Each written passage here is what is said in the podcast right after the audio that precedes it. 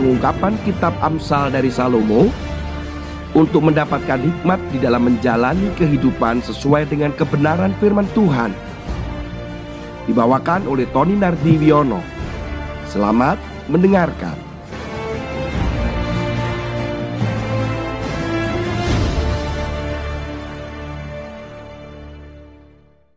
Shalom Bapak Ibu sekalian. Kita sekarang akan merenungkan firman Tuhan yang terambil di dalam Amsal pasal 10 ayat yang ke-22. Berkat Tuhanlah yang menjadikan kaya, susah payah tidak akan menambahinya. Ada pertanyaan yang menggelitik yang kadang muncul di dalam pikiran kita. Bolehkah orang percaya itu kaya? Apakah untuk kaya itu harus percaya dengan Tuhan Yesus? Setidaknya dua pertanyaan ini. Pertanyaan pertama dijawab boleh. Orang itu atau pengikut Kristus itu percaya kepada Yesus itu kaya. Apakah boleh? Boleh. Saudara ingat murid-murid Tuhan Yesus yang mengikuti Yesus juga ada orang-orang kaya yang ikut mengikuti pelayanan Yesus. Di mana mereka membiayai akomodasi segala sesuatu yang terkait dengan pelayanannya Yesus. Bukankah mereka juga orang kaya? Jadi pertanyaan-pertanyaan terjawab. Boleh. Kembali pada pertanyaan yang kedua. Apakah untuk kaya harus percaya Tuhan Yesus? Tidak. Buktinya banyak. Orang di sekitar kita yang belum percaya Tuhan Yesus saja mereka kaya. Yang tercatat di seluruh dunia orang yang paling kaya itu bukan Salomo. Itu menurut perkiraan para ahli keuangan ya. Walaupun kekayaan Salomo itu sudah termasuk besar sekali loh saudara. Kekayaan Salomo itu kalau dihitung itu kurang lebih 2,2 triliun US dollar. Wah banyak sekali ya saudara. Apakah orang yang kaya itu selalu percaya Tuhan Yesus kan sama dengan hal itu. Saya akan membuka firman Tuhan di dalam 2 Korintus pasal yang ke-9. Ayat yang ke-8. Dan Allah sanggup melimpahkan segala kasih karunia kepada kamu supaya kamu senantiasa berkecukupan. Berhenti dulu sampai di sini, Saudara. Kita ini mendapatkan kasih karunia kalau berbicara kasih karunia, selalu kita ingat bahwa pemberian atau kasih karunia itu sebuah pemberian gratis, sebuah favor atau semestinya kita nggak layak dapat tetapi kita dapat. Kemudian kita dapatkan lebih daripada cukup seperti itu. Jadi favor banget. Kita mendapatkan bukan karena usaha kita, itu juga kasih karunia. Jadi lihat Allah sanggup melimpahkan segala kasih karunia kepada kamu supaya itu ada alasan. Kenapa kasih karunia itu hadiah itu diberikan kepada kita yaitu berkecukupan dalam segala sesuatu apa pun ya kebutuhan kita semuanya itu masuk di dalam segala sesuatu itu. Jadi ketika saudara dan saya bisa makan, bisa ada yang sekolah, membesarkan anak-anak, bisnis berjalan, walaupun saat ini ada tantangan atau rintangan, itu oleh karena kasih karunia. Sehingga kita boleh berkecukupan dalam segala sesuatu. Saya sering mengilustrasikan itu adalah begini. Dalam bisnis ya. Contohnya adalah jual martabak begitu. Seringkali orang itu melihat di dalam jalan atau di jalan itu penjual martabak itu kok banyak sekali ya. Satu orang jual martabak, sampingnya akan jual martabak terus demikian. Kemudian di tempat yang lain penjualan buku bekas misalkan.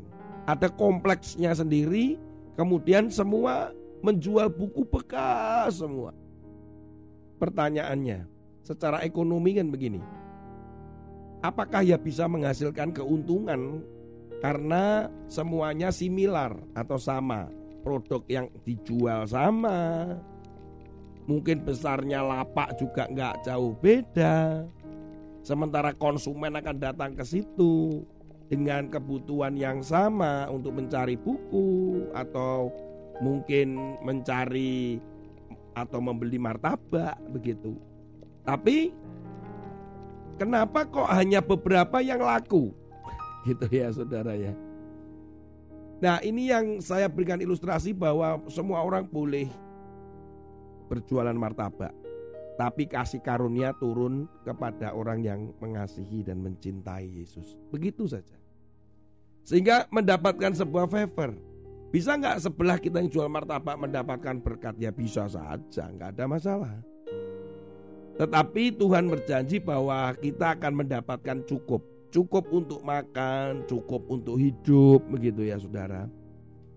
Terus kemudian dilanjutkan ayat itu adalah dan malah berkelebihan di dalam berbagai kebajikan. Jadi malah ada tambahan lagi, kelebihannya adalah dalam berbagai kebajikan. Pengertian dari berbagai kebajikan ini dua. Yang pertama, kita berbuat baik, makin banyak berbuat baik.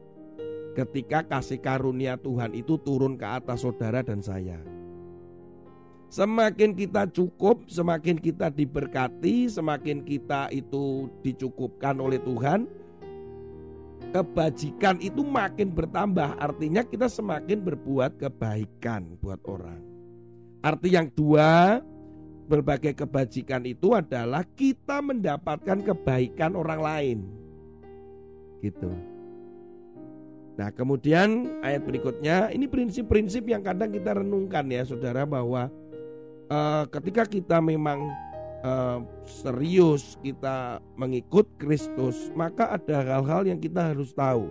Dalam hal ini berkenaan dengan kebutuhan dengan segala kecukupan itu. Kadang ya saudara, saya pernah satu kali mencoba menghitung pengeluaran kami ya ketika saya mencoba untuk menghitung pernikahan kami. Biayanya berapa kami hitung semuanya dan istri saya menuliskan itu di komputer gitu ya.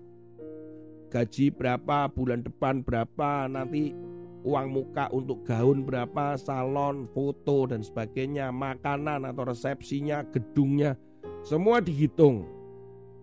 Bahkan THR kita waktu itu berapa, ada insentif berapa, dan mohon maaf termasuk undangan, yang undangan diundang itu kira-kira dia akan memberikan persembahan atau angpau berapa itu dihitung Saudara percaya atau tidak bahwa nggak cukup, nggak cukup. Dari hitungan itu aja sudah nggak cukup ya. Dari pengeluaran dengan pemasukan nantinya diperkirakan demikian itu nggak cukup. Nah di sini loh kasih karunia itu. Kasih karunia itu membuat cukup. Kadang kita sering kali menghitung-hitung sana sini sana sini itu nggak cukup. Tapi oleh karena kasih karunia kita mendapatkan kecukupan. Dan tiba-tiba selesai dan eh cukup. Ya. Nah, kemudian malah berkelebihan dalam berbagai kebajikan. Setelah pernikahan itu pun kami masih menerima anugerah lagi berbagai kebaikan orang dalam perjalanan hidup kami sampai hari ini. Dan kami juga tidak berhenti di dalam memberikan kebaikan dan berbuat baik. Saudara kasih dalam Tuhan, penting bagi kita mengerti tentang prinsip keuangan dan berkat ini. Bahwa Tuhan menjanjikan di dalam kasih karunia-Nya memberi kecukupan kepada saudara. Tetapi saudara tidak boleh berhenti berbuat baik buat orang lain. Bahkan itu akan semakin banyak bertambah perbuatan saudara kepada orang lain. Hal ini sinkron dengan ayat berikutnya, seperti ada tertulis, ia membagi-bagikan, ia memberikan kepada orang miskin, kebenarannya tetap untuk selamanya. Jadi, ketika kita memberikan kepada orang yang membutuhkan dan orang miskin itu, maka kebenarannya, nyanyi kebenaran Allah tetap untuk selama-lamanya. Ada sebuah prinsip ketika kita memberi, ketika kita berbuat baik, ketika kita bermurah hati, maka kebenarannya prinsipnya adalah Tuhan tetap pada kasih karunia-Nya untuk memberikan saudara dan saya kecukupan atau berkat itu. Ayat yang ke-10, ia menyediakan benih bagi penabur dan roti untuk dimakan. Jadi ada yang ditabur atau yang diberikan karena kemurahan hati dan perbuatan baik kita itu kita berikan kepada orang lain yang membutuhkan dan dalam ayat ini juga ada di sebelumnya dikatakan miskin dan roti untuk dimakan. Jadi ada bagian yang kita makan, ada bagian yang kita untuk dicukupkan kebutuhan kita, keluarga kita. Jadi kalau sampai kita itu memberi kemudian keluarga kita kemudian menderita, nggak bisa makan, nggak bisa itu, berarti ada satu keseimbangan yang salah. Ada prinsip, ada pengaturan yang kurang tepat. Karena Tuhan sudah menyediakan benih dan roti. Ayat selanjutnya dilanjutkan, ia juga akan menyediakan benih. Lihat lagi, ada benih lagi bagi kamu. Ya, jadi disediakan benihnya. Jangan khawatir kalau saudara mau memberi atau saudara mau melakukan dengan janji iman dan sebagainya biasanya kalau di gereja makanya kan hamba Tuhan berkata gini janji iman itu berbicara tentang berapa yang Tuhan gerakkan dalam hatimu untuk menabur misalkan itu nanti adalah benih yang Tuhan akan berikan kemudian akan dilipat gandakan dan menumbuhkan buah-buah kebenaran. Wih keren banget loh saudara. Prinsip ini adalah mungkin sederhana tetapi ketika kita menabur benih ya memberikan pada orang lain dan itu memang adalah kuotanya begitu kapasitasnya maka itu akan dilipat gandakan dan di buah buahnya akan bertumbuh kebenaran kita. Jadi akan terjadi multiplikasi kamu akan diperkaya dalam segala macam kemurahan hati yang membangkitkan syukur kepada Allah oleh karena kami dan kemudian kita ini akan banyak berbuat baik kemurahan hati itu loh saudara jadi prinsipnya sederhana kesimpulannya begini. Ketika kita itu dijanjikan kasih karunia Tuhan itu mencukupkan saudara dalam segala kebutuhan itu, satu jangan berhenti berbuat baik.